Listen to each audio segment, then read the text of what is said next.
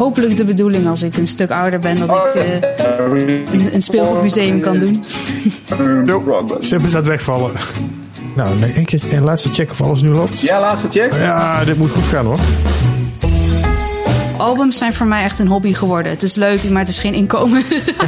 Nee, maar, maar, maar, maar dat komt omdat je de droom van Margreet nog niet de werkelijkheid gemaakt. Wist dat het publiek er was. Ik zag het publiek. Ik ben het publiek. Dus ik wist dat het publiek er was. Ik wist de anime-cons, Albernai-cons, Comic-cons. Mensen willen het. Het is de beste stap om te doen, want het is beter dan, dan welk voorpublicatieblad dan ook. Welkom bij eh, de podcast van Stripjournaal. Weer een nieuwe aflevering. We zitten weer bij elkaar. Tenminste, een soort van half eigenlijk. We zijn niet helemaal compleet. Ehm, eh, dag Margreet, jij zit hier tegenover mij. Ja, ik ben live aanwezig. En, eh, maar niet live aanwezig is eh Seb van der Kade. Nou, ik ben wel live. Ja, Je viel Seb- op meteen vast. Seb, zit op afstand met een beetje haperingen. Hij staat nu ook echt stil. Seb, Misschien moet hij toch niet via Skype doen of zo. dit is weer een goed begin. Want dan, dan hij trekt hij, hij trekt het beeld niet. Moeten we dan toch gewoon gaan bellen ouderwets? Hij staat ook echt stil nu. Ja, Nou, we gaan even kijken of hij nog terugkomt. Oké. Nou, eh, dus Margreet, fijn dat jij er bent. Seb van der Kade is er normaal gesproken ook bij. Die, anders gaan we hem straks wel even bellen. Maar oeh, nu is de hele Zoom weg. Ehm dan gaat hij zo meteen natuurlijk bellen. Lekker begin van de podcast is dit weer. hij begint er, hij, logt weer in. Ik ga even kijken hoe dit verder gaat. We zijn te gast bij eh, Coco Ouwerkerk. Hallo. Dag Coco. Hi. Fijn dat je ons eh, zo eh, ruimhartig hier ontvangt. Ja, welkom in mijn eh, huisje. Ja, p- prachtig huis. Het staat helemaal vol. Echt helemaal vol. Ik overdrijf niet met speelgoed. Ja, ja, ja. Je, je, bent een, je bent gewoon een enorme verzamelaar. Ja, ik ben, eh, ik ben groot fan van, eh, van speelgoed. En vooral van eh, de Polly Pocket-achtige speelgoed. Dus de, de kleine poppetjes. En dan als je een, een doosje open doet, dat je dan echt een heel nieuw wereldje hebt. En dan niet per se Polly Pocket, maar dan ook van Star Wars en Harry Potter, Sailor Moon, Pokémon, Digimon, noem maar op. Eh, ik vind dat gewoon prachtig. En ik, eh, ja, ik hoop stiekem ook zelf een beetje eh, iets te kunnen doen in speelgoeddesign naast, naast striptekenen. Dat is toch wel een beetje ook een, andere werk slash hobby dat ik, dat ik denk dat het, dat echt heel leuk is om te doen. Oké, oh, daar moeten we straks nog maar even over hebben. ja, ben je ook dat is weer heel anders. mee begonnen hè? met een plushie ontwerpen. In ieder geval een... ja, ik heb in 2000 11 of 10, toen, eh, toen ik net mijn eerste karakter had gemaakt van Exception eh, Argus, had ik zelf een eh, de plusje gemaakt. En nu zijn we zover. Uh, daar is Sepp, dat ik een officiële plusje aan het maken ben met, met Webtoon. Dus dat, uh, dat gaat, het gaat al lang bij erbij zitten. Hoor je mij? Oh, ja. Nu hoor ik iets. Ja. Je bent alweer weer, Sepp. Oh, ik ben ook, ook al even via Zoom ook of niet? Nee, geen Zoom. Misschien moeten we het maar zo doen. Want ik, had, ik, ik merkte wel dat de verbinding al een beetje haperde toen wij eh, begonnen. Ja, klopt. Ja, Dus misschien moeten we het maar gewoon lekker zo doen. Ja dat is toch uitstekend. En Dan eh, luister ik alleen maar des te beter, want dan zie ik, word ik niet afgeleid door jullie prachtige hoofden. dankjewel, dankjewel. En door al het, eh, dit, dit prachtige decor waar we in zitten. Ehm, Ja, dat is echt prachtig, ja. ja. ik zie ook eh, Super Mario zie ik daar achter je. Mario Lego. Eh, ja, dat is vooral voor mijn, eh, voor mijn vriend ook. Die, eh, die doet helemaal niks met speelgoed. Maar Oh, omdat ik het zo verzamel, wordt hij wel een beetje beïnvloed. En Mario vinden we allebei heel leuk. En toen dat Lego Mario uitkwam, had hij zoiets van... Ik wil hier wel wat van. En nou zijn we het toch weer aan het bijhouden. En we hebben alles van Lego Mario. En eh, we blijven het gewoon compleet houden. Maar het is gewoon leuk, want met die Lego Mario kun je ook echt eh, ja, een soort van levels eh, maken. En je kan er ook echt eh meespelen, zeg maar. Ja, leuk. Tof. Als, leuk. er, als hier nou brand uitbreekt, wat neem je dan als eerste mee, behalve je vriend en je huisdieren? Ik denk, ja, behalve mijn vriend en mijn huisdieren, die eerst natuurlijk. Ik denk, ja, het, het- meest dierbare misschien nog steeds is mijn eh, oude Pokémon-collectie. Dus eh, misschien eh, één of En twee mappen. Ik wou net zeggen, dat Wat- brengt vaak kan- ook nog wel kan wat op, ja. niet, eh, ja, nou, dat, dat, dat misschien. Maar eh, ik, ik ben al sinds ik... eh, sinds dat het een ding was, ik denk... Ik weet niet hoe oud ik toen was, zeven of zo. Dat, eh, toen, toen kreeg ik ze al van mijn ouders. En dat is nooit... eh, Wat, is, wat is je meest waardevolle Pokémon kaart? mijn meest, meest waardevolle, ja... ehm, Want die dingen die kunnen toch wel echt miljoenen waard zijn, of niet?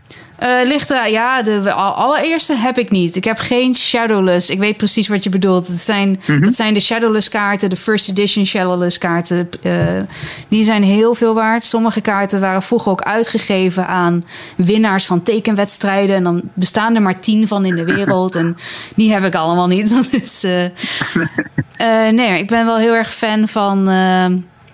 eh Vaporeon eh, is, is zeg maar een water-Pokémon. En er is dan een, een oude kaart van. En er is een art van, hem, van, van die Vaporeon, van dat karakter gemaakt. Die art is nooit meer zo gemaakt. Veel dierlijker, veel meer schetseriger. De art is heel anders dan dat wat daarna van is gekomen. Daarna is het design van, de, van die Pokémon helemaal veranderd. En dat is de enige kaart waarop die zo getekend is. Toen er nog een soort van eerste schetsfase zat, zeg maar. Dat vond ik, vind ik een mooie eh, ja, evolutie die dat heeft eh, eh, Ja. gemaakt. En ben je dan vooral een liefhebber van de artwork of van, eh, van het spel zelf? Eh, de artwork, ja. Ik ben veel meer van de, van de designs. En ik, ik had al vanaf kinds af aan, dacht ik, ik, ik spaar gewoon één, één Pokémon, één kaart per Pokémon. Dus dan de Pokédex als de eerste als de 151. En toen eh, dacht ik van, oké, heb ik ze allemaal. Hoef ik niet meer verder te sparen. Oh, er komen er weer eh 100 eh, nog wat aan. Dus ik, oké, van elk één kaartje. Hoef ik niet meer verder te sparen. maar het bleef maar doorgaan. nadat, ik, nadat ik 12 was of zo en door had van...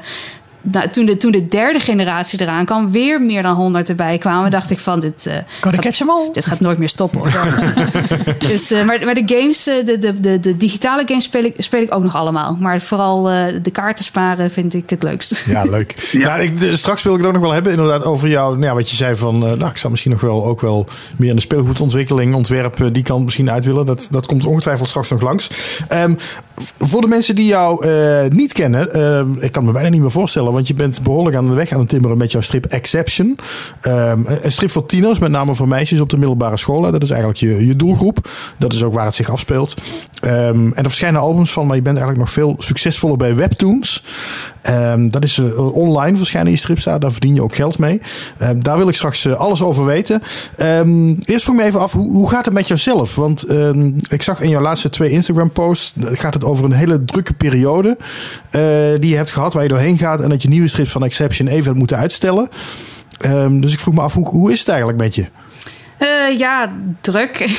maar ook weer wat, eh, wat rustiger in mijn hoofd. Ehm, er was gewoon te veel dat, eh, dat op me afkwam. Want Exception is heel leuk. En, maar je wordt ook voor, voor meerdere dingen daarnaast nog gevraagd. En mensen willen projecten met je doen. En eh, ik, ik werd van alle kanten wel eens gemaild voor dingen... of voor iets om samen te doen of wat dan ook. En dan liet ik mails heel vaak liggen of zo. Want het exception was echt... Ik werkte dag en nacht alleen maar aan die strips.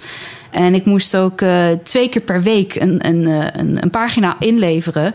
Dus zeg maar echt zo'n eh, Europese pagina... dan twee daarvan in de week. Moest, eh, want je hebt een contract. Dat met is voor het contract, ja. Je moet twee, twee, twee keer in de week wordt er gepost. Dus wat het, eh, het normale idee is, je, je, je maakt een buffer. Dus je maakt iets van 18, idealiter iets van 18 pagina's alvast van tevoren. En dan doen ze dat posten en dan hou je dat bij. En dan ga je verder tekenen. En dan, eh, maar op een gegeven moment, ja, je wordt een keertje ziek. Of je, eh, het gaat een keer even niet lekker. Of je bent toch weer dingen aan het herschrijven. Of wat dan ook. Die buffer die gaat echt in no time op. En dan moet je bijna gewoon zelf die pagina's bij gaan houden. En binnen drie dagen steeds een pagina afkrijgen. En zelfs met de hulp van stagiaires en andere mensen die meehelpen met kleuren, editen, tekst nakijken en al dat soort fratsen, ehm, is het, was het voor mij niet bij te houden. Ehm, dus ik heb met mijn eh, eh, editor, zeg maar, bij Webtoon wordt jou een editor aangeboden. Die helpt jou met alle, ehm, met alle zaken. Dus dat is de, de, de contactpersoon voor binnen het bedrijf. Dus met die editor dan eh, even aan de bel getrokken. Zo van, joh, eh, ik hou het niet meer vol. Het is te veel werk. Ik ben weekenden bezig, avonden bezig. Ik weet niet wat het is. En eh, toen heb ik een, een break mogen nemen. Dus van een pauze. Ehm, en omdat het zo is van, ja, hun betalen je wel vanuit het buitenland. Maar goed, als je ziek bent of een been breekt of wat dan ook. Of je handen breekt, wat erger is voor Ja. ziekbenen.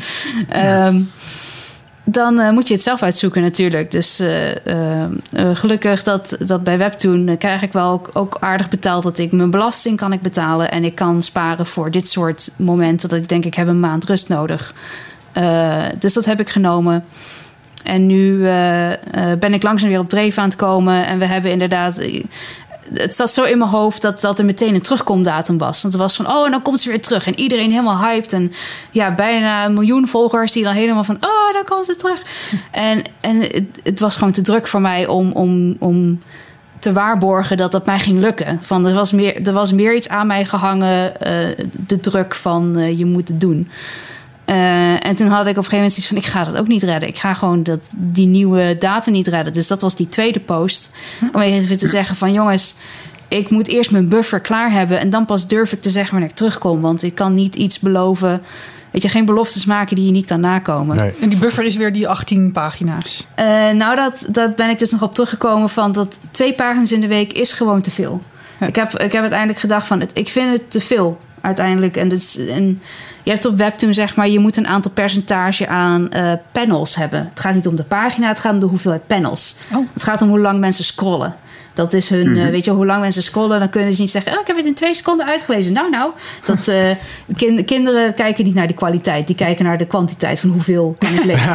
ja, want het is, het is een app op je telefoon. Ja. En, en dan scroll je eigenlijk plaatje voor plaatje scroll je ja, naar beneden. Ja, dus als ook heel weinig tekst is, maar dat is een hele epic vechtscène van 60 panels lang. Maar als er niks wordt gezegd en mensen scrollen er doorheen en dan zeg, zitten soms ook comments bij zo van: nou, daar heb ik weer in twee seconden uit, hè, vol tot volgende week. en dan heb jij erop zitten super, uh, ja, uh, van het is ook gewoon zo gratis. Het is gratis, dus mensen voelen zich veel meer entitled om je te kunnen zeggen wat hun willen, weet je wel. Dus dat is heel anders.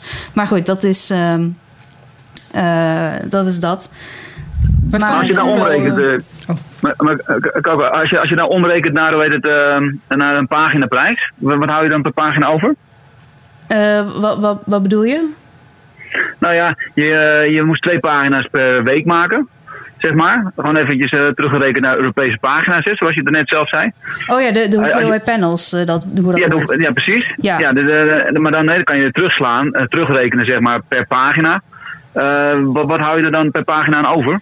Ja, van het is, het is zeg maar wat ze willen is ongeveer per week moeten er ongeveer iets van tussen de 24 en 30 panels willen ze hebben. Dus dan als je dat als je geld bedoelt Seb. Of, uh, ja, Seb heeft, Seb heeft over geld hoor. Ja. Ja, ja, ja, ik heb het alleen maar over geld. Oké, okay, alleen maar over geld. ik krijg betaald inderdaad uh, uh, per pagina één percentage inderdaad. Dat is in dollars. Dus het is um, volgens mij 375 dollar per pagina. En dat is dan okay. voor uh, 12 panels, zeg maar, zoiets. Uh, okay, dus 12, 12 tot 16 panels. Ja, ja. En dan uh, wat ook nog kan, en dit, dit fluctueert, is uh, dat mensen vooruit kunnen kopen. Dus je hebt dan een soort een aantal pagina's achter slot. En uh, dat betekent dus, dan kan je geld uitgeven om voor, uh, volgens mij is het iets van een uh, paar centen. En dan kun je dus de pagina vooruit kopen.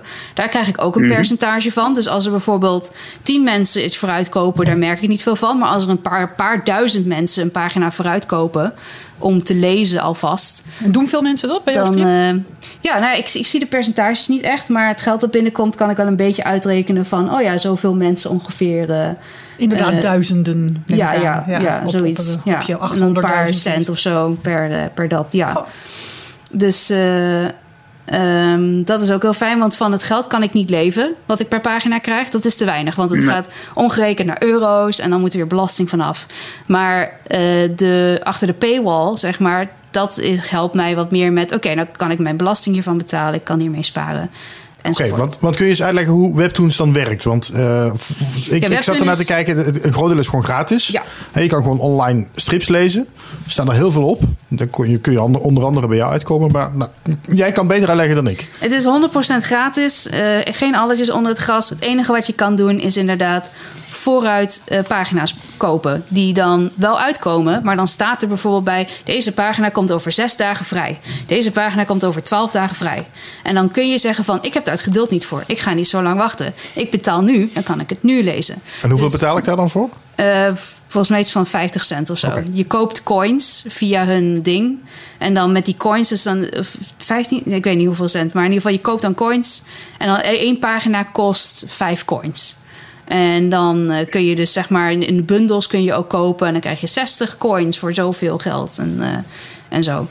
En dan kun je per 5 coins kun je dan uh, een pagina kopen. En, dat, eh, en dan kun je die vooruit lezen. Ja. En eh, dat, dat, ze hopen dus een beetje op de on- onrustige tieners of, of mensen die, dan, die niet kunnen wachten.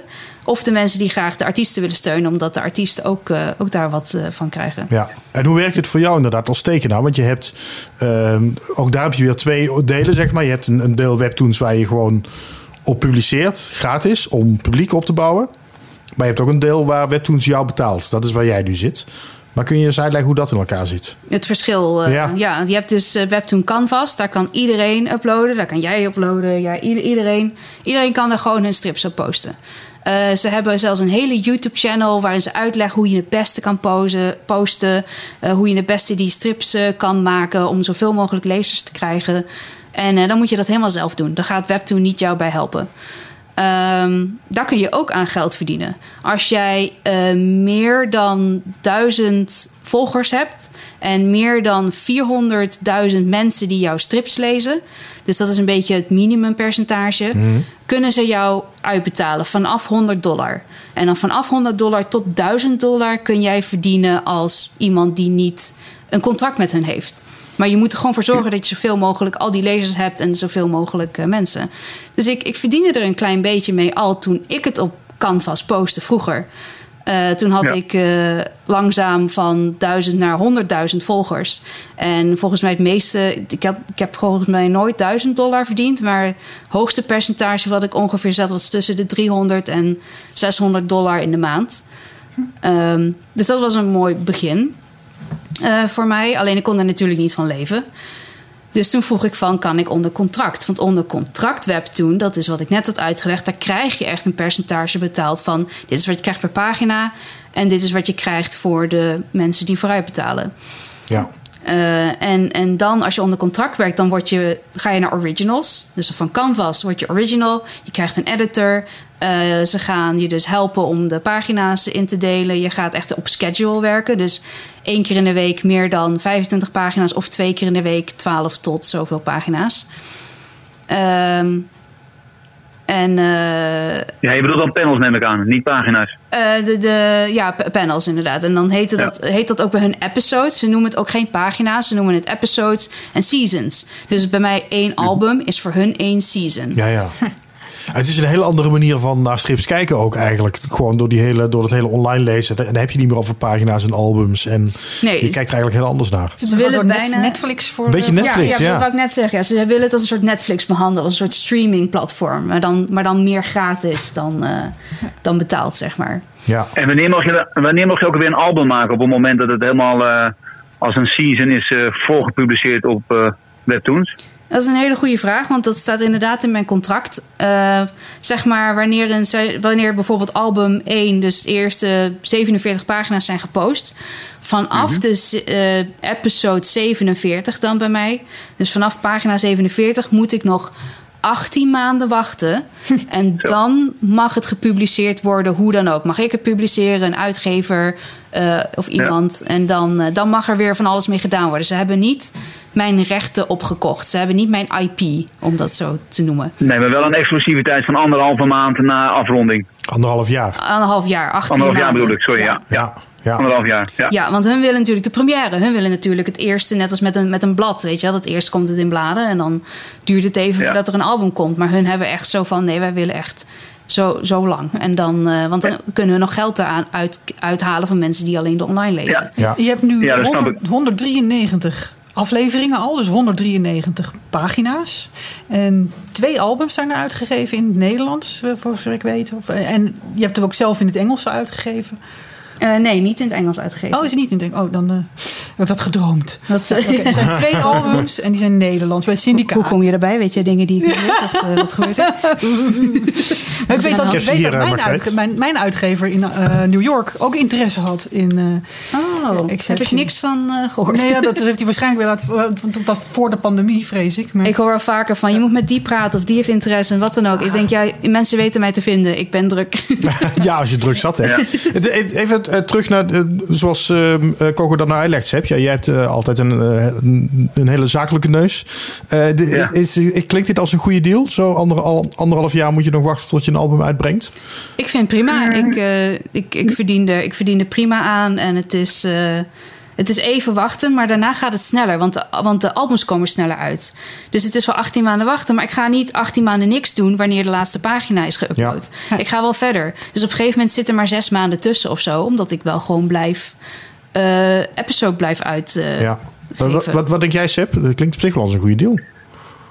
Ja, dat, nou ja, precies wat ze zelf zegt. Het is denk ik uh, gewoon het opbouwen van, uh, van, van zo'n paginaprijs, zeg maar eventjes. Als je het even plat slaat. Uh, en dan op een gegeven moment kan je inlopen natuurlijk. Hè? En dan, uh, dan, dan kan de, kunnen de albums gewoon weliswaar misschien anderhalf jaar later verschijnen. Maar als je gewoon voldoende albums materiaal hebt, dan kan dat op een gegeven moment parallel lopen. albums zijn voor mij echt een hobby geworden. Het is leuk, maar het is geen inkomen. nee, maar, maar, maar, maar, dat komt omdat je de droom van Margreet nog niet hebt werkelijkheid gemaakt. Weet je, dus op het moment dat jij een Engelstalig album zou doen, weet je, dan zou je een, een heel ander verhaal zijn. Want als jij Jij hebt volgens mij nu uh, meer dan een miljoen uh, volgers of zo? Of, of, moet ik uh, bijna 800.000. En ik kan, wel, ik kan ongeveer zeggen van... er zijn altijd meer mensen die lezen dan volgen. Dus het is, zou plus minus inderdaad tussen de 800 en miljoen lezers. Ja, dus, en ik kan, me, ik kan me echt heel goed voorstellen dat... maar dat weet jij misschien ook weer beter, Coco. De, dat, dat naar aanleiding van je webtoon voor publicatie, als je het zo bekijkt...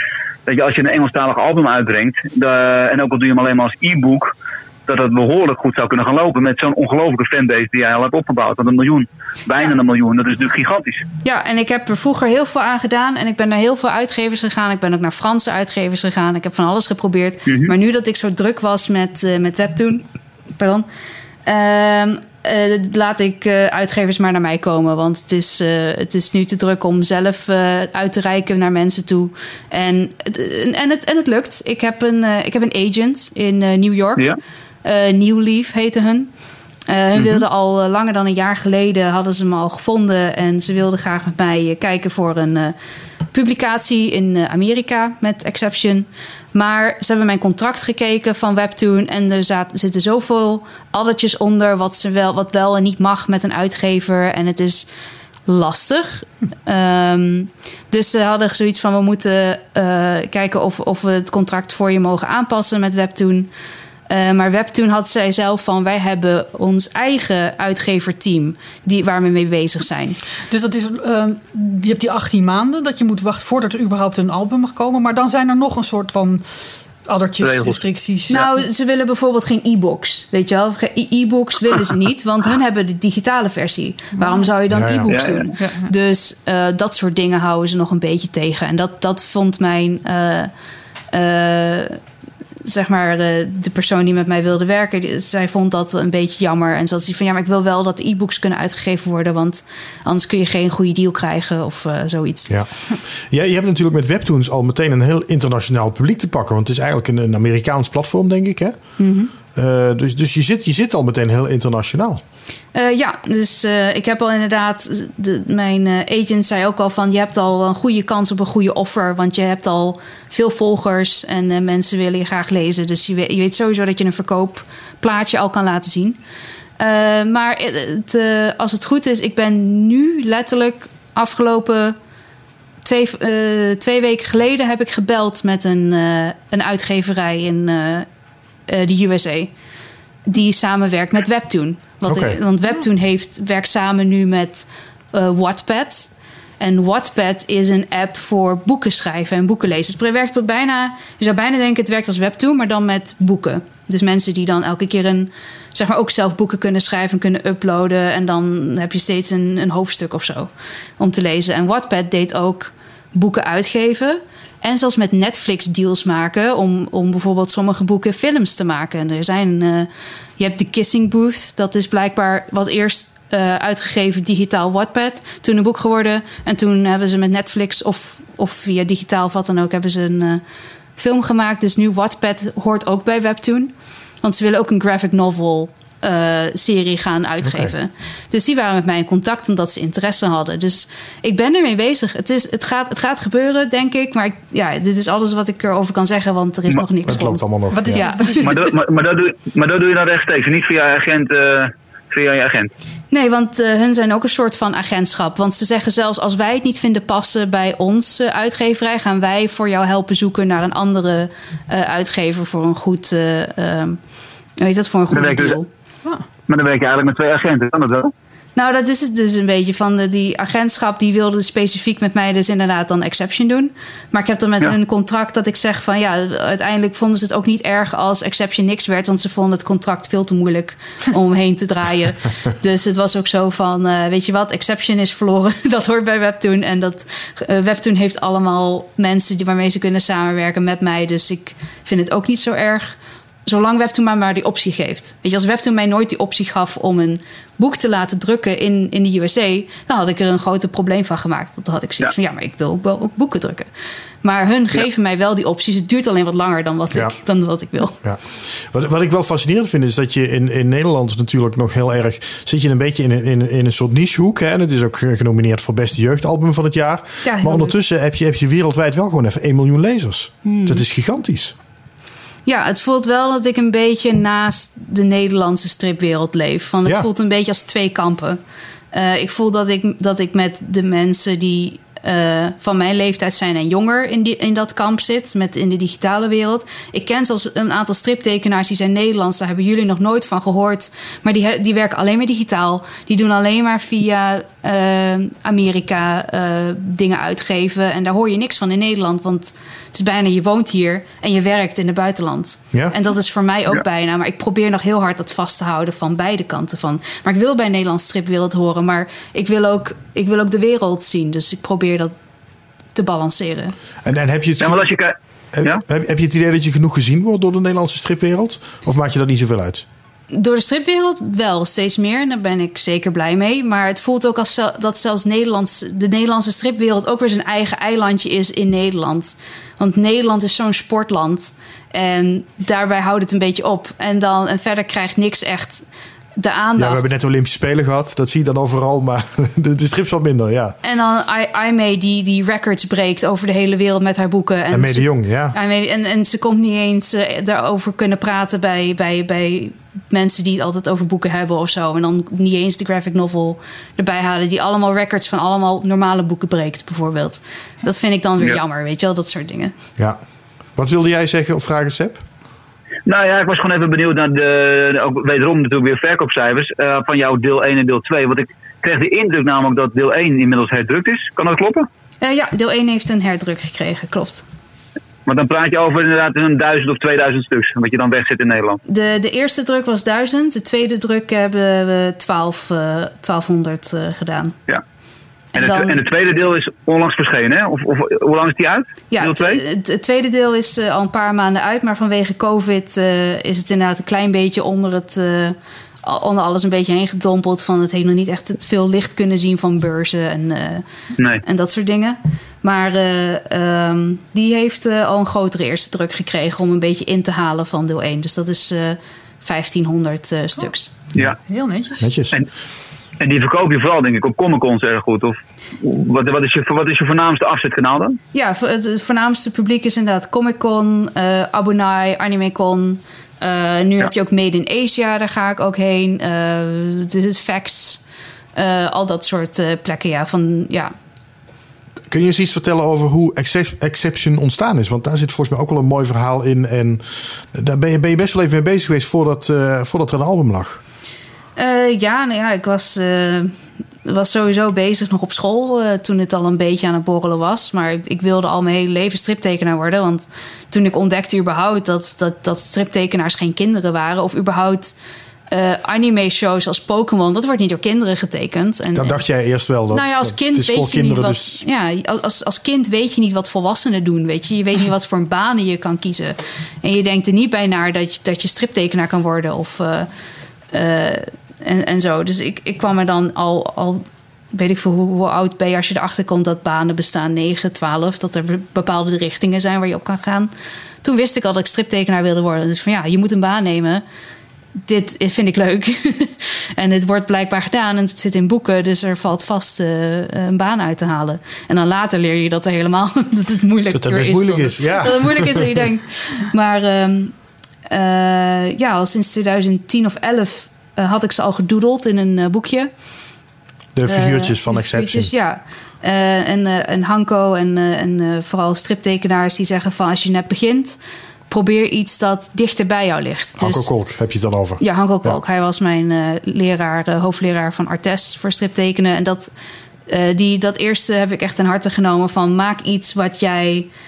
ehm, wat makkelijker is, zeg maar een makkelijk verhaal, wat dicht bij jou ligt. Want iedereen wil een epic fantasy verhaal maken. En ik ben opgegroeid met dingen zoals Naruto en One Piece. En die hebben duizenden chapters en het gaat maar door. En het is super epic en cool. En je hebt in je hoofd ook al van... oh, dan ga ik 60 albums maken van één groot epic fantasy verhaal. Maar dat ga je niet doen. Dat is veel te veel werk.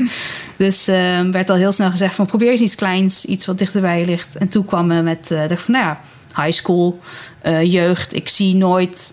Ik zag nooit strips. Dat gaat over eh, jongeren die, eh, die moeite hebben op, op high school of zo. Het is allemaal. Tina was, is ook tot en met 12 jaar. En of het is meteen voor volwassenen. Het is meteen. zeg maar volwassen tintjes of geseksualiseerd. Of het is echt voor kinderen. En dan is het echt. ja, kinderdingen. Maar daartussenin, voor tieners. Nederlandse tekenaars zag ik daar niet in. Ik zag wel manga-tekenaars. Het is een hele cultuur hè, in Japan. Dat je voor tieners specifiek manga's maakt. Want dat is echt voor hun. Daarom ben ik in de manga-scene gestapt. Want niemand maakte iets voor mij behalve manga-tekenaars. Eh, en uit Frankrijk heb je wel dingen gehad. Ik heb Witch gelezen, mooie navels. eh, dingen die een beetje in Europa wel een beetje rondzwerven voor tieners. Maar echt een Nederlandse tienerstriptekenaar had ik nog niet echt gevonden. Dus ik had zoiets van, eh, ja, dat, dat, dat wil ik eigenlijk doen. En eh, ik had er wel de grootste moeite mee om dat iets te laten weten dat daar ook mee te verdienen was. Want iedereen, het gaat, iedereen gaat op het geldplaatje. Want ja, je moet geld verdienen. Dus natuurlijk, snap ik ook wel. Maar dan, dan, dan, dan eh, ehm, hebben ze, vertrouwen ze het niet, want ik ben nieuw. Dus ten eerste weten ze niet of ik al die pagina's wel kan volhouden. Ze weten niet of het verhaal goed genoeg is. En ze zijn natuurlijk, heel veel mensen zijn bang voor ouders. Weet je wel, ouders die gelovig zijn, ouders die. eh, Ja, kom je van, dat veel oh, tegen? nou, ik heb voor de Tina was het niks, want het is iets te volwassen eh, voor, voor dat. Ze van ja, maar dit is wat tieners meemaken. Zijn maar eens voor tot en met 12. En dan is van oké. En, eh, en, en andere bladen was vanaf 16. Dus ik probeerde eerst in de Nederlandse scène Exception een voordruk te geven voordat het op Webtoon kwam. Maar dat wilde helemaal niet. Dus eh, het was heel moeilijk om het überhaupt te laten ontstaan. Ja, daar moet je dan best lange adem voor hebben. Want ik kan me heel goed voorstellen dat je dan op een gegeven moment denkt van... nou ja, dit, dit, dit wordt het dus niet. Heel veel afwijzingen voor. gehad. Ja, en ik, ik ga het ook niet gratis doen natuurlijk. Het is, moet wel betaald eh, kunnen krijgen. Dus het was heel moeilijk om hiervoor een, een, een podium te vinden. Het publiek was er. Ik wist dat het publiek er was. Ik zag het publiek. Ik ben het publiek. Dus ik wist dat het publiek er was. Ik wist de anime-cons, Open-Eye-cons, Comic-cons. Mensen willen het. Maar niemand geeft je dat podium om het ze uit te reiken. Dus dat, dat had Eh. Webtoon. En dat was ik Ja. eh, heel blij mee. Nou, kijk naar het verhaal. Is dat nou, eh, zitten de meeste verhalen van dit soort verhalen, zeker als dat eh, begint als een, als een debuut, is heel veel autobiografisch gestoeld. Is dat bij jou ook zo? Is dit, is dit voor een deel gebaseerd op je eigen leven? Of? Klein, klein beetje wel. Gewoon het idee van... Ik maakte dan een jongen met regenboogharen. En ik denk, oh, wat vinden jullie van dit karakter? En iedereen dacht, oh, een leuk meisje. Of uh, en ze van, nee, dat is een jongen. Zo, oh, is die homo dan? Ik, weet ik veel. En ik, toen pas kwam ik, een jaar later kwam ik erachter ineens van... oh, de regenboogvlag wordt gebruikt voor Pride. Oké, okay, cool, whatever. Dat heeft niks te maken met mijn karakter die regenboogharen heeft. Ja. En dat hij make-up draagt. En waarom moet alles zo gegenderd in hokjes gestopt worden? En waarom uh, kan een jongen geen make-up dragen en een jurk dragen? Wat is daar nou... Wij zitten niet in een cultuur dat dat moet of zo. En waarom is dat raar? Weet je, ik, ik snapte dat nooit. En ik, ik droeg zelf ook uh, stroptassen op school. En uh, uh, ik, ik, ik, deed dan een, uh, een project op school dat we van die nep plaksnorren moesten dragen. En dan voor filmen. Dan speelde ik een man, zeg maar. En hadden we nog heel veel van die plaksnorren over. En ik wilde ze niet weggooien. Dus elke dag droeg ik een nieuwe plaksnor. Totdat ze allemaal op waren. Omdat het gewoon grappig was. En zo van, ja, maar waarom is dat grappig? Waarom is het raar dat een vrouw een snor zou hebben? Of waarom is het dit of waarom is het dat? Is het puur omdat het, je ziet het niet vaak, dus dan klopt het niet. Nou ja, dat, dat, en toen pas begon die LGBT groter te worden en begon ik te leren over non-binary en over um, transgender. En uh, ik, ik had ook mensen in mijn klas die transgender waren, maar ik dacht er niet moeilijk over. Ik denk, oké, okay, mm -hmm. je bent nu, je bent, je bent altijd al een jongen geweest. Cool, dan. Mijn hoofd is klaar. Ik was een kind ook. En als kinderen... Kinderen snappen dat allemaal veel beter als je volwassener bent. Ik weet niet waarom, die doen er zo moeilijk over. Ja. Ik werd er zo moe van. Maar kinderen en jeugd snappen dat. En nu kwam die hele LGBT. Gek genoeg, Exception paste daar perfect in. Ik wou net zeggen, je zat eigenlijk precies, precies in die struggle. golf. Ja. precies op diezelfde struggle golf. Van ik snap, dat, ik snap niet waarom mensen dit zo doen. Weet je wel, eh, het gekste is van vroeger was roze een jongenskleur. Weet je, voor heel lang geleden, jongen, jongenskleur, roze. En nu wordt het gezien, het is voor meisjes. Denk, waarom? Dus dingen, het is, ik, ik werd daar nooit mee doodgegooid. Mijn ouders hebben daar niet gek over gedaan. Again, ik heb stropdassen kunnen dragen op, op, op mijn middelbare school. Mijn ouders keken daar niet gek van op. Ja. Maar de buitenwereld heeft nog wel een heel stigma en een idee over hoe je moet gedragen, hoe je moet kleden. En als tiener wil je juist uitzoeken, jezelf onderzoeken. Ehm, en dan, dan word je tegengehouden door, door je community eigenlijk. Is, is dat het succes van Exception? Dat het, dat het soort van ehm, Het laat, muur- het laat muren breekt of niet zo ingekaderd is? Of... Het geeft veel tieners een, een stem die ze nooit hebben kunnen zien in een comic. Ja, het, het geeft heel veel tieners die vrijheid van... oh, ik herken me hierin. Ja. Want ik dacht in het begin van... wie gaat zich nou herkennen in een, in een jongen met regenboogharen en make-up? Ik, ik, had, ik had al bijna het gevoel dat Exception een beetje een underground dingetje zou worden... en niet zo groot zou worden. Ehm, maar iedereen, heel veel mensen herkennen zich erin. Niet per se omdat hun ook regenboogharen hebben, maar meer van ze voelen zich anders. Ja. Ze worden anders aangekeken omdat ze net dat andere tikje hebben. En zelfs mensen die helemaal niks met LGBT hebben, kunnen zich in hem leven. Want iedereen heeft zich wel anders gevoeld of eh, ehm, niet begrepen door, door, door de mensen om hen heen. Maar je hebt ook hele sterke karakters om Arcus heen. Zo'n zo'n vriendenkring. eh, Ook een, een gothmeisje en eh, een pestkop die toch ook wel weer een, eh, een backstory blijkt te hebben en zo.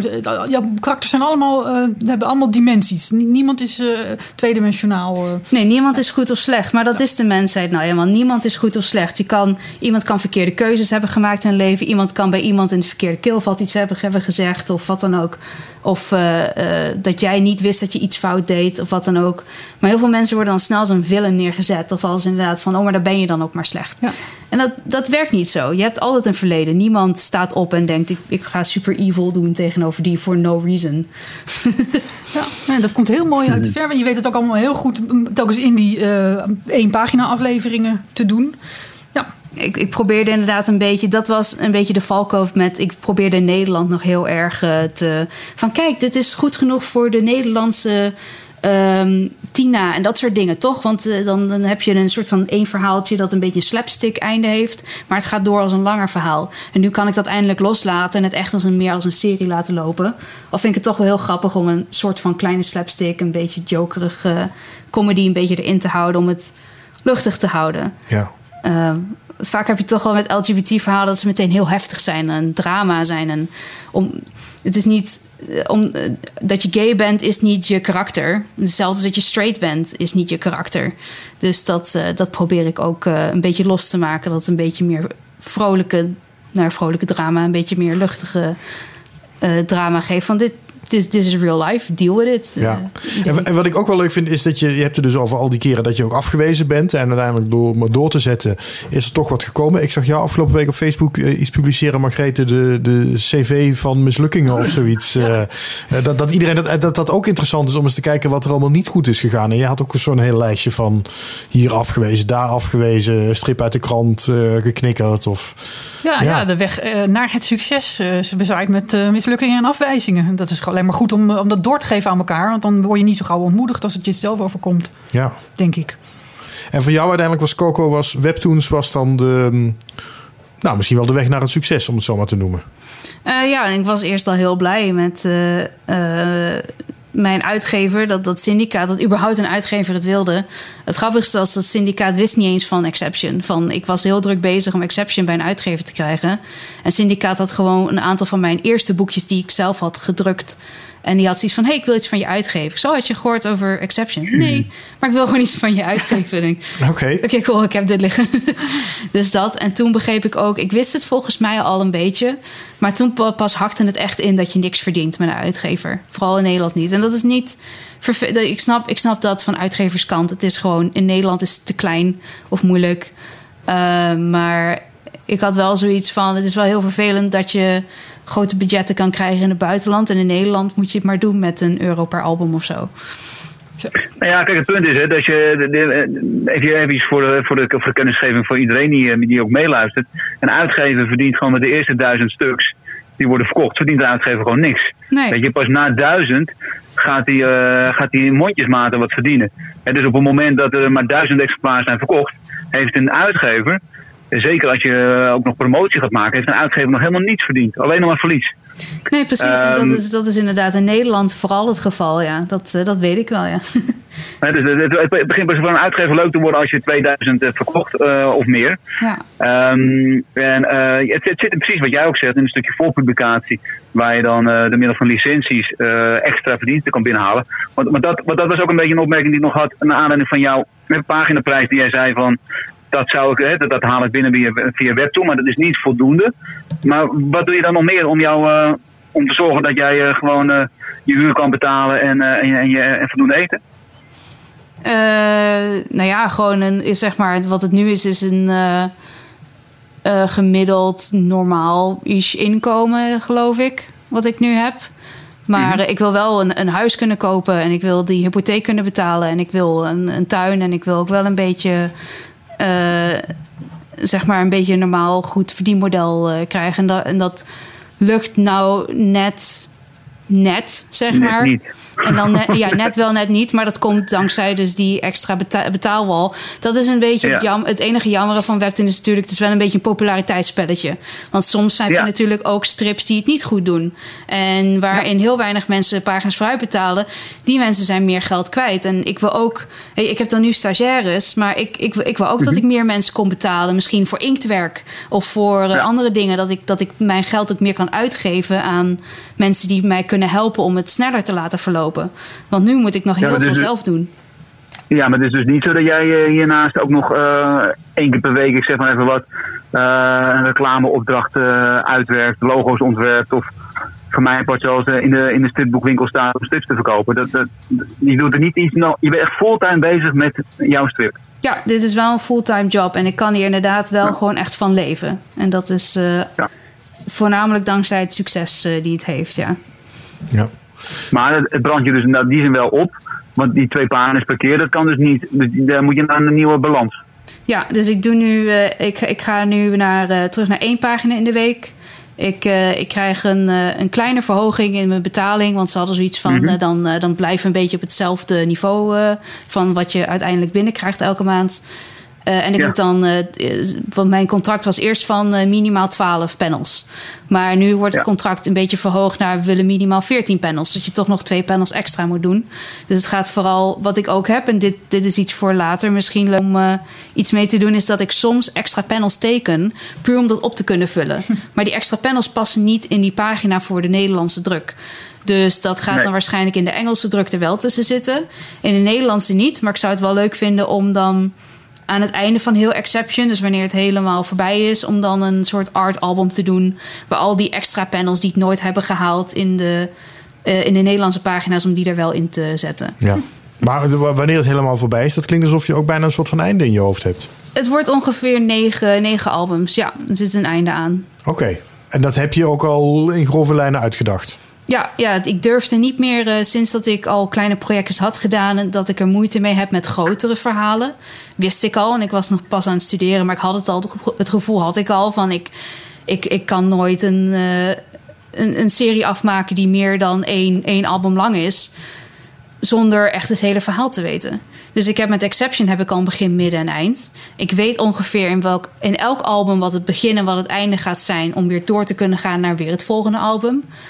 En eh, ik, ik weet ongeveer dan hoeveel albums kan ik alvast een beetje in mijn hoofd hebben. Van nou is ongeveer acht, eh, acht slash negen albums en dan is het verhaal afgelopen. Wauw.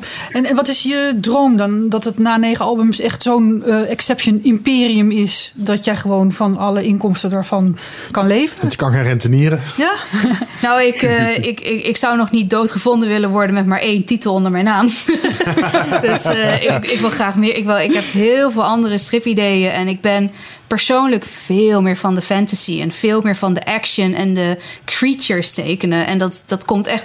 Alles wat in Exception getekend is, is alles wat ik vroeger verachtte. Van mensen tekenen, tieners, make-up, fashion. Eh, ik was echt zo'n tomboy. Ik, ik hield echt niet van, van dat soort dingen die meer naar, voor meisjes was bedoeld eigenlijk. Maar nu dat ik het hele genderstigma een beetje weg wil hebben van... er zijn ook mannen in de 40 die mijn strips heel leuk vinden om te lezen. Dus ik, ik kan niet meer zeggen dat het voor één publiek is. Want het is gewoon voor iedereen die daarmee struggelt. Wat iedereen is. Dus, eh, maar ehm, ik zou het heel vet vinden om, om hierna echt helemaal 180 een heel ander strip Ja. Weer te gaan maken. Maar dat je dan wel een huis hebt gekocht van eh, Exception. Nou ja, dat, het zou wel leuk zijn dat eh, zeg maar de tieners groeien op. Dus ze, ze beginnen jonger en ze eindigen wat ouder. Het is niet zoals eh, eh, met Ash Ketchum van Pokémon... dat hij voor altijd tien blijft of zo. Dat, eh, deze, deze karakters groeien op. En, ehm, Maar, dat- maar, maar dan praat je over een x aantal jaren, neem ik aan, eh, Coco? drie, drie jaar misschien, ja. Ja, drie, drie jaar. Maar je, je, en je hebt nu eh, de- een deal gemaakt dat je, nou ja, eh, iets minder dan de, eh, kan halveren, hè, geloof ik, qua, qua productie. Ja, dus het gaat dan iets langer. begrepen? Ja, ja, het, zeg Ja. maar, ik wil nog steeds even snel de pagina's tekenen. Dus voor mij gaat het even snel. creëren. Ja, een buffer creëren. Maar inderdaad, het online gaat het iets trager. Komt het dan online te staan. Dus het zou kunnen dat er misschien een, eh, bij sommigen een paar maanden meer gap tussen zit. wanneer echt weer een album eh, uit gaat komen. Ja, maar betekent dat, dat ook, dat, dat dat betekent dus niet dat jij, want nu dan, dan blijf je dus van ochtends tot en met 's avonds, inclusief het weekend, alleen maar met die strip bezig. Dat betekent dat je niet ruimte creëert voor andere hobby's, eh, activiteiten of een andere serie daarnaast te proberen. Ja, en daarom doe ik dus nu één keer in de week, zodat ik eh, zes uur kan stoppen. En dat ik ook mijn weekenden terug heb. Want dat had ik eerst niet en dat heb ik nu weer wel. Dus daarom kan Oh, ik ja. kan weer naar conventies toe. Ik kan met een, met een gerust hart zeggen van... eh, oh leuk, ik ga naar deze stripmarkt. Of eh, Zonder dat je denkt, ik zou eigenlijk moeten tekenen, want ik moet dit en dat en dat nog afmaken. ja, en, en als een sideproject me echt heel leuk klinkt... en ik hoef er niet veel meer dan te doen... dan misschien twee of drie pagina's te maken... zeg ik daar soms ook nog wel eens ja op. Want er zijn, Ja. er zijn wat mensen eh, met wie ik al wat dingen aan het doen ben... die eh, later eh, wat meer naar voren komen. Maar dat, dat staat mij dus ook tot hier. Want ik wilde het graag doen. Maar, maar omdat inderdaad Webtoon mij vasthield met... je moet exception, een contract... Daarom inderdaad heb ik die extra vrije tijd ook genomen om Ja. voor een vriend van mij die, of een, een kennis die, die vroeg mij om mee te doen aan een ander stripproject. En dat wilde ik doen. En ik van ja, nu heb ik rust en pauze. Dus ik heb voor hem vier pagina's gemaakt voor een stripje wat ik eh, eh, binnenkort ook binnen ga krijgen en ga verkopen. En dat. eh, dus, dus er zijn wel, ik probeer wat meer inderdaad tijd eh, te regelen. Van je moet het, hè, je kan nooit, je, je kan altijd zeggen: ik heb geen tijd, ik heb geen tijd. En je moet je vrije tijd maken. Ja. Maar je weekend hebben je in ieder geval terug dus. Ja, daar ben ik wel blij mee. Maar dan, als ik jou hoor, dan wordt het conventies of tekenen. De, de, de- eh, je hebt geen andere smaken? Je gaat niet eh, nog, eh, weet ik veel, een eh, eh, rondje om de wereld zeilen of zo? Eh, nou, ik vind inderdaad op vakantie gaan naar Japan wil ik nog heel graag doen. Eh, ik, ik zou ook graag naar Amerika willen gaan. Met, ik, ik wil inderdaad, wanneer het lukt, om Exceptionals in het Engels uit te geven. Zou ik het Aha. ook heel leuk vinden. Dat heeft dan ook weer met conventies te maken. Om dan naar de USA, eh, Engeland en Australië en zo te gaan. Voor de Engelstalige landen. Om daar ook eh, Exception te kunnen verkopen. En, en inderdaad leuk weer ook andere plekken te zien. En, eh, eh, soort van werkvakanties eh, Ja, ja. te hebben. Ja. Over, eh, Ja, die laat je de uitgever betalen, dat is heel slim. over sideprojecten gesproken, eh, Margreet. Ben jij daar klaar voor? Het voorleeshoekje. Ja. Ja. Mag ik dan jouw lieftallige Jiri die hier naast mij zit vragen om dit te filmen? Want ik zie dat ik niet kan filmen en Oh, met ja. Sepp bellen tegelijk. Oké, komt-ie. Hoor, Margreet leest voor. Ga lekker zitten. Hier komt een boekje in het voorleeshoekje. Ik lees voor uit Exception. Want ik eh, heb toch het gevoel dat er nog mensen zijn die het niet kennen. Ehm, dus dan kan dit een leuke eerste kennismaking zijn. En ik lees voor niet uit het album, maar uit eh, strips die, die in een lesbrief staan. Die ik nog heb gemaakt als stripmaker des Vaderlands. Ik heb eh, verschillende lesbrieven gedaan waarin ik strips koppel aan een onderwerp wat op school te behandelen is. En voor Exception heb ik een, een, lesbrief gemaakt die heet Omgaan met vooroordelen. Algemeen voor VMBO, HAVO, VWO. Eh, met onderwerpen als uniek zijn versus bij de groep willen horen. Nieuw in de brugklas. Mode en uiterlijk. Hoe zien ze mij? Gay of niet, kun je dat zien? Met de strip Exception van Coco Auerkerk. En daar heb ik vier uh, pagina's uit het eerste album mogen gebruiken. En dat was ook nog eventjes met jou afstemmen toen. Want het was zo van, oh ja, als het maar niet op een publicatie lijkt. Want dat kon dan ook weer even niet met, met Webtoon. Um, en ik lees daarvan de tweede, het, zit, het, komt uit het begin van het hele Exception-verhaal. Het gaat, zoals jullie net al hoorden, over een jonge Arcus die uh, nieuw is op school. Hij heeft regenbooghaar. Uh, mensen die hem eerst zien hebben zoiets van: is dat een meisje, ja of nee? En dit is denk ik de tweede of derde strip. En um, dit speelt zich af in de gangen van de school. En leerlingen zeggen tegen elkaar: Wat is dat toch met die, de regenboogharen van die chick? Is het niet een jongen dan? Zou die homo zijn? Die outfit is wel echt super gay. Ik denk eerder dat hij is omgebouwd naar vrouw. Maar Arcus, dat is toch geen echte naam? Nee, die spoort niet. Zou hij als baby op zijn kop gevallen zijn? Vraag het lekker zelf aan hem. Van, yo, ben je gek of zo? Wie wil er nu vrijwillig met dat in gesprek gaan? Waarop een roodharig meisje uit uh, de klas van Arcus op hem afstapt en zegt... Arcus, neem ik aan, ik ben Iris, ik zit in je klas. Uh, ja, Oh, tof. Ik heb uh, nog uh, niemand echt goed gesproken uit mijn klas. Heb je ook dat? Even stil, jij. Ik heb wat vragen voor je. Ze pakt de phone erbij. Arcus probeert mee te kijken, maar zij zegt: uh, Zeg, ooit gehoord van personal space of zo? Jeez. Ben je homo? Is je echte naam wel Arcus? Waarom draag je make-up? Ben je met al die haarkleuren geboren? Ben je nou omgebouwd van jongen naar meisje of van meisje naar jongen? Wat vinden je ouders hiervan? Wie heeft je haren zo gedaan? Ben je als baby op je hoofd gevallen? Is die ster een tattoo? Moest je worden heel hard huilen toen ze je met die haren zag? Als je een meisje bent, waarom doe je dan een sok in je broek? Lak je ook je nagels? Is je blonde haar wel echt of is alles nep? Wist je dat het nog zeker een half jaar duurt voordat het carnaval is? Waarom kleed je je als clown? Arcus denkt even na en antwoordt: uh, Zover ik weet niet. Ja, omdat ik nieuwe modestijlen wil proberen. Uh, alleen met blond haar, uh, geen van beide. wat waren de andere vragen ook alweer? Ik kan het niet onthouden. Ondertussen doet Iris tweet, tweet, tweet, tweet op haar phone. En krijgt als antwoorden: Boe, saai, ik geloof er niks van. Dit is zo triest. En Iris wuift hem weg en zegt: Je populariteit heeft twee seconden geduurd. Je bent niet meer interessant en spreekt me nooit meer aan, begrepen? Huh? Einde. Mooi. En hoe, en hoe kun je dit dan, want je hebt er een lesbrief over omheen gemaakt, Margreet. Hoe, hoe kun je dit dan gebruiken in de klas? Nou ja, daar kan je Om een discussie te starten. mee openen. Ik heb bij deze strip als vragen had ik bedacht... Um, sommige mensen hebben een opvallend uiterlijk. Vind je dat je daar vragen over mag stellen? En wat vind je van de manier waarop Iris dat doet? Het is op het eerste gezicht niet duidelijk of Arcus een jongen of een meisje is. Wat vind jij daarvan? Maak een lijstje met aan de ene kant typisch vrouwelijk en aan de andere kant typisch mannelijk. Vul onder elke categorie kledingstukken, gedrag en haarstijl in. Bespreek de lijst met je buurman of vrouw. Vind je dat iedereen zich aan deze typische zaken moet houden? Houd je je daar zelf ook helemaal aan? En wat vind je van mensen die met verschillende stijlen experimenteren? En zo zijn er nog drie andere strips die in deze lesbrief staan. En die dus een opening geven voor discussie in de klas. En wie nu geïnteresseerd is in de lesbrief, die staat nog steeds op de site stripmakerdesvaderlands.nl bij projecten. Bij lesmateriaal. Maar je kan ook als je papieren versie wil, weet je dan heel lief aan Coco vragen. Die heeft nu drie dozen. ik, ik, heb, ik heb drie dozen ontvangen met uh, mooie boekjes. Ja, die ga ik zeker meenemen naar. Uh, beurzen en conventies en uh, uitdelen aan uh, wie het maar wil. Leuk. Waar zit het voorleeshoekje, Margreet? Mag je nu afsluiten voordat ik weer op mijn kop krijg? Ja, oké. Okay. Dat was het weer. Tot de volgende keer bij het voorleeshoekje van Margreet de Heer. En een video van dit prachtige voorleeshoekje is uh, zoals altijd te vinden op petje.af slash stripjournaal voor de donateurs van deze stripjournaal podcast. Daar kun je dus donateur als je vriend wil worden van de podcast.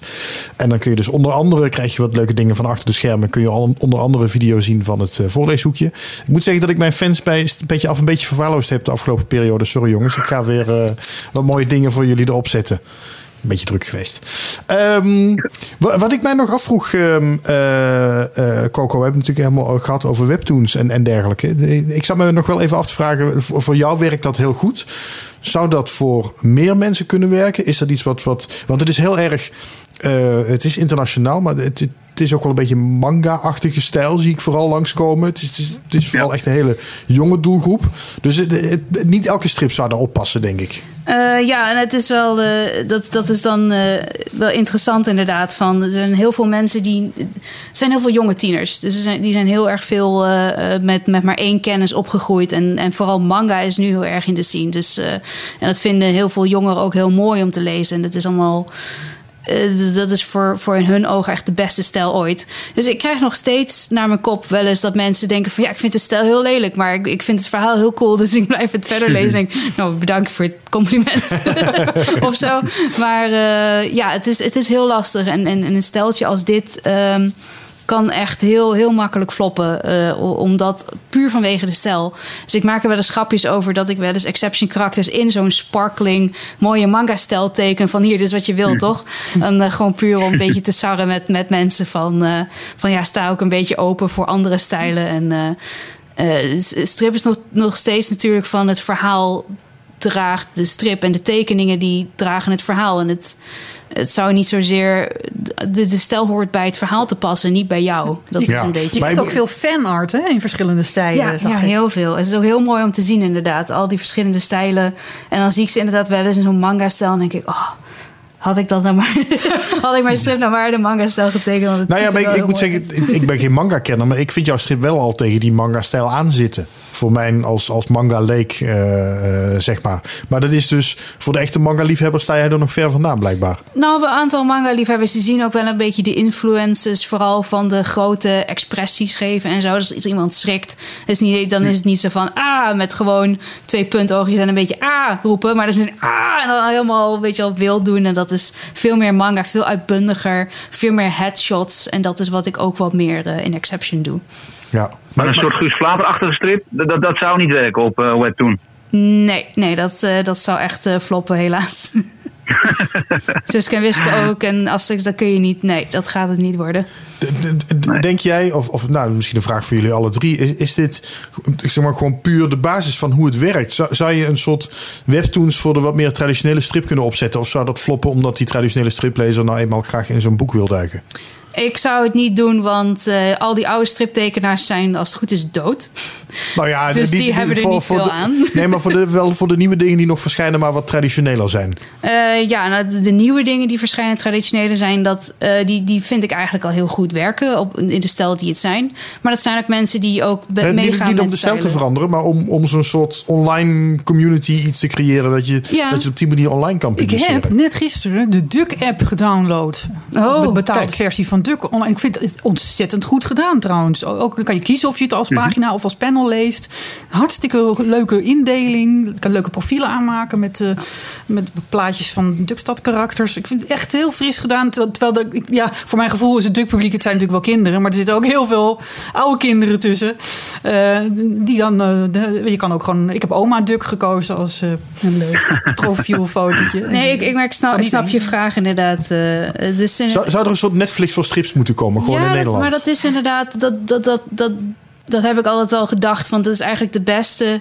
Het is de duurste, maar de beste volgende stap voor Nederlandse stripmakers is om iets te creëren zoals Webtoon. En dan met een hele eigenzinnige Nederlandse versie. En dan allemaal Nederlandse strips. Mensen die liefst strips over, in paginavorm lezen. Mensen die liefst dezelfde strip misschien nog of andere strips echt als webcomic willen lezen. Een soort van Mhm. oud en nieuw kan helpen erin in dat wereldje te komen. Met inderdaad oude strips hervormen, maar ook alleen maar nieuwe strips. En dat je echt van dit is uh, strips uh, die uh, bedacht zijn uit 19 zoveel. En dit zijn strips die bedacht zijn uit 2020. Weet je, dat je echt ook dat je die groepen hebt, dat, dat je mensen ook de keuze kan laten maken van ik wil alleen maar nieuwe verhalen lezen. Of ik ben geïnteresseerd in de geschiedenis van strips en ik wil de oude verhalen lezen.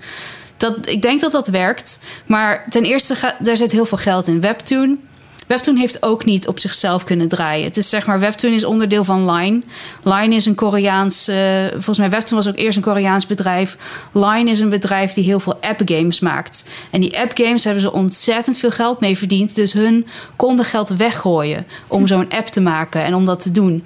Dus ik denk, het, het, is de beste stap om te doen. Want het is beter dan, dan welk voorpublicatieblad dan ook. Want jeugd leest het en het, uh, je kan een ander verdienmodel mee doen. En dan zou je per afgemaakt strip... Uh, zou je een soort van Kickstarter kunnen starten om boeken mee te maken. En dan kan ieder voor zich inderdaad heel mooie uh, strips doen. En dan Eh, zoiets. Maar dan, dat, dat moet dan iemand doen die daar eerst heel veel geld wil insteken. En dat is het probleem een beetje, denk ik. Er zal, er zal Maar in, heel in, moeilijk Japan, zijn. hè? Want de webtoon, dat is. eh, eh, je- je- dat- komt niet uit Japan. Maar ehm, maar is er niet ook een.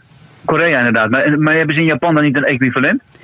Eh, da- dat, dit is weer een beetje een rare geschiedenis met Japan en Korea. Die hebben het niet zo nauw met elkaar. Oh als je de geschiedenis een beetje weet.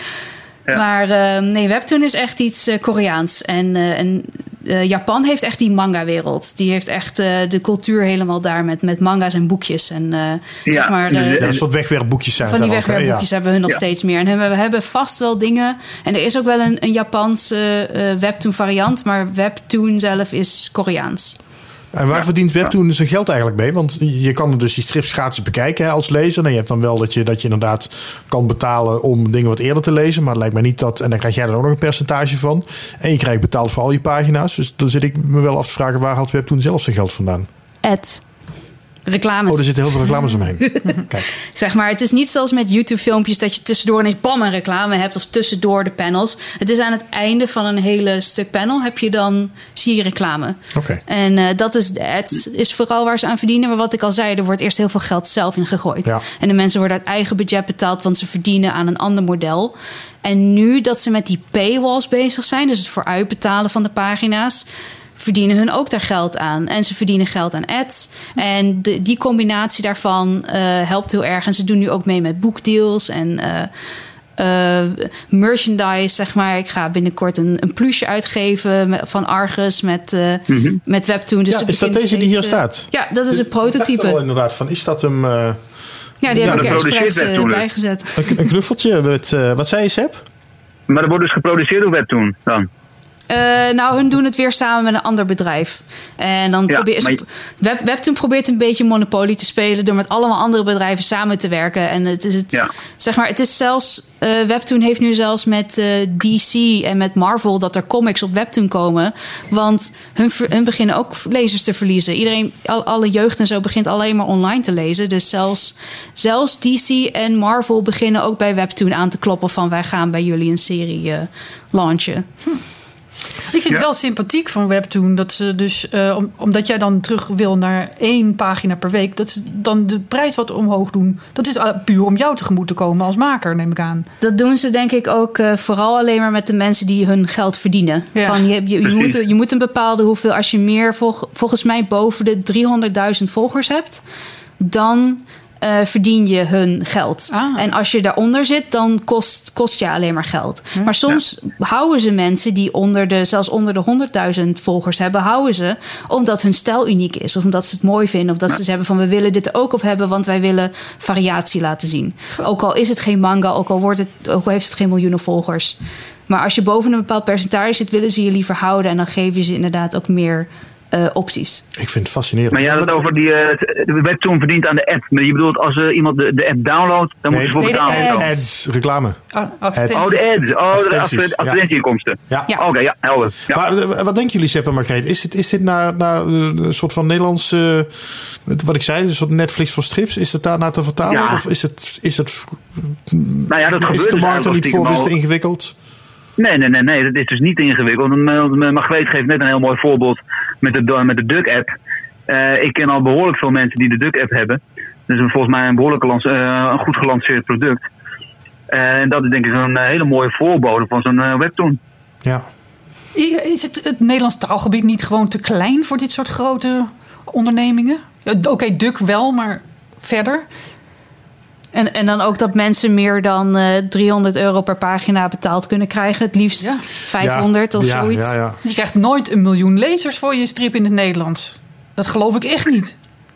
Nee, niet, niet een miljoen. Maar als je kijkt bijvoorbeeld naar de luisterboekenmarkt. Wij hebben onlangs een, eh, een van onze boeken is als luisterboek uitgebracht.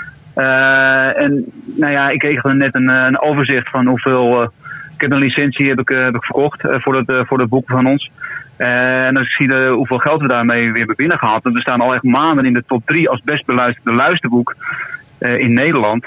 Ja, dan praat je echt over eh, echt wel heel veel luisteraars. En ehm, Miljoenen? Ja, of, hoeveel eh, dan? Ah, Dus als je, nou ja, je krijgt in ieder geval x, x aantal duizenden euro's. En het is precies met een licentie is het zo dat je maar een, eh, nou ja, weet je, maximaal 10% krijgt. Ik heb het. Het worden Dus, eh, gewoon luisterstrips, Sepp. We gaan gewoon mijn voorleeshoekje gaan we, gaan we vercommercialiseren. mensen- Dat, dat is een gat in de mensen blij markt. mee maken. Ja. Ja, precies. Ik, eh, Nee, maar zonder Krijg ik daar royalties dan van? En, en, ja, daar krijg jij royalties van, eh, Robin. maar, die, eh, nee, maar wat ik wel helemaal wil aangeven is, van, ja, dat is een luisterboek is, het, eh, is ook een beetje een, een, een upcoming iets. Dat eh, een, alternatief biedt voor, een alternatief biedt voor het fysieke boek. Weet je, je zit in de auto of je wil gewoon even relaxen en je zet gewoon een luisterboek op. En of dat het nou, eh, ja, dat zijn met name dan boeken zonder plaatjes. Maar de, ja, dat gaat wel heel goed. Het is echt een compleet nieuwe markt. Want wij hadden van dat ene boek waar ik het dan over heb, hadden we er zelf al meer dan 10.000 van verkocht. En nu we dat luisterboek hebben uitgebracht, komen we weer bij een compleet nieuwe doelgroep. Ja. Ja, dat is ook wel ik, wel ik geloof er wel in. Met, met Harry? Potter en zo. Harry Potter en zo had ik ook al toen ik tien was al als eh, luister, Ja, zeker. luisterboek. Ja, en, daar, maar, wel- en daar wordt goed aan verdiend hoor. Ja. Dat, dat- en, en dat zijn trouwens oplagen, zo, hè, waar je het over hebt, over Harry Potter. Dat zijn best oplagen. Dat, dan, dan is Nederland opeens niet zo klein meer hoor. Nee. Want wat je niet moet vergeten is dat Nederland een koopgraag publiek is. Weet je, we kopen veel in Nederland. Want we hebben het gewoon goed in Nederland op zich. Ik wil eh, eh, la- langzaamaan komen bij het einde van deze podcast. Ehm, maar niet voordat we naar de kettingvraag van eh, Herman Rozen gaan uit de vorige aflevering. Komt die? Dus je maakt van die webstrips en er wordt heel veel gereageerd daaronder. dus er heel veel interactie met lezers. En ik heb zelf ook wel zo'n opa Facebookpagina. En dat vind ik enorm lastig, interactie mee. Ik doe daar niks mee. Dus hoe, hoe doet ze dat, zeg maar? Negeert ze al die berichten of reageert ze overal op? Of hoe vindt ze dat? die, ik ben wel benieuwd naar hoe ze dat, hoe ze dat doet. Oh, dat was hem. Dat was hem. Ja, ik heb toevallig de podcast geluisterd, dus ik heb de hele vraag gehoord. Ah, je hebt je en al de- kunnen voorbereiden. En discussie en zo. Ja, ik wist helemaal niet dat dat inderdaad een ding was. Ik hoorde mijn naam en ik denk, oh, er wordt over mij geroddeld. Ja, precies. Maar ehm, ja, nee, dat is een, inderdaad een eh, eh, best wel goede vraag. Het is inderdaad overweldigend veel. Ehm, zeg maar in het begin, toen als je nog opbouwt, wil je wel wat meer met, met, je, met je fans, zeg maar, met je volgers praten. Die niet je familie zijn of je vrienden. Want je denkt van, oh, iemand waardeert mij voor mijn werk. En niet omdat ik die ken. En dat voelt heel nieuw. En dan met tien mensen is het leuk. En met duizend mensen is het leuk. En zelfs met tien, met duizend mensen is het leuk. Maar bijna een miljoen mensen is het al meteen, als is het al heel snel zoiets van. Dan wordt het een beetje veel. Nee, het is iemand vroeg, was het ook weer? Iemand vroeg mij ook in een interview van, ja, hoe is het nou om onder om een product te zijn van een publiek? Weet je, ik ben, ik word niet meer eens echt gezien als een persoon. Ik word gezien als een bedrijf. Ik word, ik word bijna gezien alsof Webtoon mij als bedrijf heeft en dat ik nog allemaal mensen onder mij heb werken, alsof het een soort fabriek is of zo, wat ik, wat ik doe. Ehm, dus niet, niet iedereen eh, heeft evenveel menselijk commentaar ook op mij. Of die denken dan, oh, ik wou dat Webtoon dit met Exception deed. En ze van, ik ben Exception, niet Webtoon. Maar dat snappen ze dan niet helemaal. Ehm, maar ja, ik reageer niet meer. Gewoon helemaal niks. Ik doe af en toe, ik doe liken. Dingen waarvan ik echt, wat ik heel grappig vind, dat ga ik, dat like ik dan. En dan copy, eh, dan eh, maak ik er een screenshot van. En laat ik dan aan vrienden zien van, kijk wat een leuke commentaar. En ik laat ook de mensen weten dat ik het waardeer. Ehm, Maar je hebt niet het idee dat je een soort community in stand moet houden of zo. Of dat je heel erg met je publiek moet communiceren. Half, half. Van, toen het nog op Canvas was, deed ik nog wel eens reageren op mensen, want dan was het nog klein genoeg. Maar nu krijg ik bijna tot duizend eh, eh, comments op een, op een nieuwe pagina. En eh, daar ga je niet, Dat niet doen. zelfs niet twee of drie uitzoeken om, om, om te commenten. Want dan, als je dat doet, ik had het een keer gehad, dat was zo, dat vond ik heel naar. Daar was ik al meteen al een beetje van dichtgeklapt.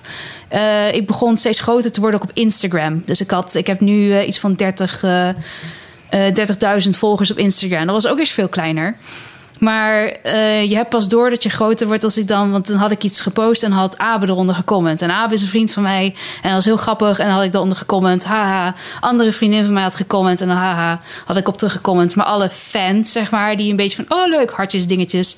Ja, wat moet je daarvan zeggen? Dan ga je niet onder commenten. En dan kan één iemand met een comment van... Ja, ik zie dat de tekenaar alleen maar comment eh, op andere tekenaars. Of alleen maar terug, iets terug zegt tegen andere striptekenaars. Nou, lekker eh, fijn hoe je dat eh, regelt. Van, het is niet omdat een striptekenaar zijn dat ze mijn vrienden zijn. Ja, Like, ja. I'm sorry. Like, ik kan niet iedereen. Mensen voelen zich heel entitled naar mij ineens. Van, oh, als je die aandacht geeft, moet je mij ook aandacht geven. Dat heeft mij, dat was de eerste ding van mij dat ik dacht van, oké, ik, begin, ik ben niet zo populair, maar ik begin, de, ik begin mensen te snappen die echt op zo'n hoge pedestal door mensen worden gezet. Van die commentaren nergens op, die, die reageren niet op hun DM's. Ik snap het, ik begin het steeds beter. Dus ik krijg ook allemaal DM's en mensen van: hey, hoi, kun je praten? Hey, hoi. En dan, of eh, weet ik het allemaal en het is, het is gewoon te veel. Ik ben blij dat je mij dan wel gereageerd hebt. eh, Want onze, ons eerste contact was via Facebook. Dus eh, Facebook DM. Maar, maar Facebook, Facebook is ook een beetje van, daar zitten geen, volgens mij niemand meer onder, onder de, onder de 20 zit op Facebook. Dat is misschien wel zo, ja. Dankjewel. Maar, is het, maar, maar Coco, is het dan in het kader hè, van de, de, de, hele de voice rellen en alle andere. eh, de, wat er nu allemaal rondgaat. Heb, heb jij daar ook last van? Ja, ik, ik heb wel net het woord dikpik, wou ik niet zeggen, maar. eh, eh, krijg je wel vervelende berichten? Dat ik wel eens haatcomments heb en dat soort eh, dingen. Ja, haatcomments of juist het, seksistische comments. Dat, dat mensen met jou willen connecten om, om een band met jou te creëren. Tuurlijk, maar de mensen die überhaupt een band met mij willen cre- creëren... Ik zeg niet... Ik, mensen die zeggen dan eerst hey natuurlijk... en daar reageer ik al niet op. Dus daar houdt het al op. Bij de mensen die aandacht willen, houdt het al meteen op. Eh, de mensen die haatcomments naar mij doen... die worden meestal al overspoeld door fans van mij... die hun dan weer een kopje kleiner maken... van hoe durf je dat over de creator te zeggen. Dus gelukkig heb ik een, een lieve, lieve volging... Die, al- die al die, dat onkruid er wel uithaalt voor mij. Seksverzoeken zijn over het algemeen nepaccounts, eh, Seb. Ja, dat ook. Oh, wat jammer nou. Ik vond hem zo populair. Ja, ik kreeg ik, ook, ook regelmatig van, eh, van, die, van die bloedmooie vrouwen die dan eh, met mijn vrienden willen worden op Facebook. En dan denk ik, dat is natuurlijk zo'n nep-account. Dan denk ik, oh, Facebook kent mij toch nog helemaal niet zo goed. Dat is Oh, maar het, het, internet is super getarget. Hè. Ik ben een vrouw, dus ik krijg dat niet dat soort dingen. Want ik, ben niet, ik word, niet, word, er ge- word niet getarget dat er mannen in mijn DM's komen of zo. Nee, nou andere ja. vrouwen. Dat is weer echt iets wat is puur... Dat is weer zo'n stigma van gender. Van, oh ja, omdat je een man bent op internet... gaan we al jou van... Oh, hier, eh, hier heb je allemaal vrouwen in je buurt om... eh, Ja, dat is precies wat ik bedoel. Dus zo goed kent Facebook mij, Facebook mij nog niet. Eh, nou goed, over, Nee, eh, eh, eh, ja, ja. over ehm, eh, eh, community en dat soort dingen gesproken... wilde ik het nog even hebben over, ik heb het al even genoemd... petje.af slash stripjournaal... waar je vriend kan worden van deze show. Ehm, een van de vrienden van stripjournaal daar is eh, luisteraar Jeroen van Strien. En die heeft eh, speciaal voor stripjournaal... een hele mooie stapel strips gedoneerd. En die wil ik gaan weggeven aan die mensen... die dan zich bij Petje afmelden. Het gaat om eh, de strips van January Jones, nummer 1 tot met 10. Allemaal gesigneerd door Erik Heuvel en, en door Martin Lodewijk. Eh, een paar andere strips van Erik Heuvel zitten erbij. Drie originele tekeningen van Erik Heuvel. Die ga ik aan het eind van dit seizoen verloten onder de donateurs van Petje Af. Dus eh, nou ja, je kan daar nu je aanmelden. En ehm, daar ondersteun je gewoon de, de podcast mee. En aan het eind van het seizoen, dat is dan zeg maar tegen de zomer, dan ga ik er één naam uit trekken. En die krijgt dit mooie pakket. Je krijgt het hele, die hele collectie. Ja, dat ligt er een beetje aan als er nou heel veel mensen zich gaan aanmelden. En ik denk van, nou, ik, ik wil wat meer mensen blij maken. Dan misschien dat ik hem dan een beetje ga opsplitsen. Ehm, maar in ieder geval, January Jones 1, tot 1 tot en met 10 ga ik wel bij elkaar houden. Ehm, Maar goed, dus... En eh, drie, drie origineeltjes. en drie origineeltjes. En er zit nog eh Quaco zit erbij. En, en ehm, eh, nog zo'n Anne Frank strip, geloof ik. Nou ja, ik, ik zal er een fotootje op Petje afzetten ook. eh, Want degenen die nu al donateur zijn bij Petje af, die doen natuurlijk ook gewoon mee. Ehm, nu zijn we echt bijna aan het eind gekomen. Eh, Ik heb voor jou geen, eh, geen kettingvraag om te stellen, Coco. Want ik weet nog niet wie de volgende gast gaat worden in deze podcast. Dus dan komen we een keertje eh, los eh Skype ja, dan moeten we het zo maar even doen, denk ik. Ja. Het, en wat ik wel nog heb, is een prijsvraag weg te geven. Ehm, want Herman had een heel mooi eh, eh, boekje van... eh, wat was het ook alweer, Margreet? Weet jij nog? Broertje. Ik ben Broer. Ja, broertje, dat was het, ja. Mooi gesigneerd. Voor een van de luisteraars van deze podcast. Met, Oh, oh, het wordt nu alweer Oh. vals gespeeld. Nee, ja, ze vallen- ze vallen eruit. Ze vallen. Ik kijk niet. vallen er zogenaamd nee, ligt niks, ligt niks op de vloer. Even, hier zitten naampjes in. Jij mag een naam trekken, Coco. Iemand heeft hier het mooie codewoord ingevuld. Witte Brink was het, als ik me goed herinner. Oh ja, dat, eh, En de winner is... even helemaal onderop. U hoort het eh, rammelen van, het, eh, Gaat heel gedegen. van de briefjes, ja. Rapapa, rappa, rappa. Spannend. Is, is, de- het, is, het is getypt, het is niet mijn handschrift, dus het moet te lezen zijn. Eh, Willem Haneveer. Willem Haneveer is de gelukkige winnaar. Wi- Willem Applaus. Haneveer. Ja. Ik denk dat ik het goed gezegd Applaus. Wacht. Nou. Applaus. Komt u nog? Ja, wacht. Dat komt, omdat het, dat het- nee, dat komt omdat het geluid van het voorleeshoekje zit onder een heel andere knop op Ja, een dat ander heb ik weer spoor. gedaan. Hier. Applaus. Ja, Ehm, mooi. En hier heb ik je eigenlijk helemaal niet op voorbereid, Coco. Had ik natuurlijk wel even, even moeten doen. Maar het, eh, mogen we van jou ook nog iets moois weggeven, gesigneerd voor de luisteraars van deze podcast? Is dat van deze podcast? Ja. Voor de volgende? Nee, voor- ja, in de volgende gaan we dan een naam trekken. Aan, maar de eh, mensen die naar deze podcast geluisterd hebben, Ja. die maken dan kans op. Oh, voor de Ik- volgende. ik- ja, heb, Ja. heb je iets leuks? Of gaan we Ja hoor, ik kan wel. eh, ik, heb, ik heb een deel 1 en deel 2 van Exception eh, eh, wat doosjes van liggen. Dus daar kan ik wel eh, een deel 1 en een 2 van, eh, van missen, denk ik. Nou, kijk, laten we een mooi eh, Met een pakketje. tekening erin. Met, met, een- Met met, een mooi gesigneerd. Ja, dat kan zeker. Dat betekent wel dat jij, eh, zodat we weten dat de mensen die daarop intekenen ook echt naar deze podcast hebben geluisterd, mag jij een mooi codewoord noemen. Wat mensen dan moeten invullen.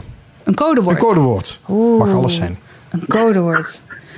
Ehm, regenboog. Regenboog. Ja, dat vind ik Ja, een mooie. Stripjournaal.com slash actie. Codewoord regenboog voor twee delen exception. Gesigneerd door Coco Ouwerkerk. Volgens mij zijn we er dan wel. Ik heb het idee dat we alles wel behandeld hebben. Ik heb wel alles eh, wat ja, ik wilde weten. Oh, over de- de, de- Speelgoed. Nee, De bucketlist van Coco. de bucketlist. nee, Ja, de, de, de, de bucketlist van Coco, die hebben die niet, niet helemaal door te lopen. Maar helemaal bovenaan, daar staat natuurlijk in dat jij een Pokémon kaart een keer mag ontwerpen, of niet? Eh, oh, nou, dat zou, dat zou heel wat zijn. Maar ik geloof niet dat ze buitenlanders eh, Pokémon-kaarten laten ontwerpen. dat is echt iets wat alleen in Japan eh, zijn. Alleen maar Japanse. Dus volgens mij maar één Engelse illustrator... of iemand in Amerika... die heeft ook wel een paar Pokémons ontworpen. Als in echt gedesigned Ja? voor de games. En die heeft maar één keer, één keer een art gemaakt... voor, een, voor Pokémon-kaart. En die heb ik ook. Maar het is niet heel bijzonder hoor. Maar meestal houden ze het een beetje bij het kliekje in Japan. Alle illustrators eh tekenen Oké. Pokémon-kaarten. Dus dat zou heel wat zijn als ik dat zou kunnen doen. En wat voor speelgoed zou je nog willen ontwerpen? Want daar had je het wel over. Eigenlijk zou ik wel speelgoedontwerper willen worden. Eh, ik zou het heel leuk vinden om een beetje... Want speelgoed is ook heel erg gegenderd met dit is voor jongens en dit is voor meisjes. Ik zou het heel leuk vinden om een soort bordspel te kunnen maken... dat je je eigen poppetjes teams kan samenstellen. En dan kun je ook heel meisjesachtig doen en heel jongensachtig... maar je kan ook een soort van... ehm mismatchen. Dus dat je dan zeg maar eh, piraten en eh, elfjes hebt of zo in je team. Weet je wel? Dat je een soort van poppetjes kan sparen. En, en die kan gebruiken om in een soort spelletje tegenover elkaar. Dus ik wil een soort inter- interactieve speelgoed zou ik heel leuk vinden om, om te maken. Leuk. Dankjewel dat we hier eh, mochten zijn, eh, Coco. Dit eh, was een extra lange podcast. Dus wij hangen al, ik zit even te kijken op mijn telefoon, 1 uur en 17 minuten met elkaar aan de telefoon. Dat Jongen, is, dat is nog altijd korter dan het gemiddelde telefoongesprek dat ik met jou heb als we gewoon bellen.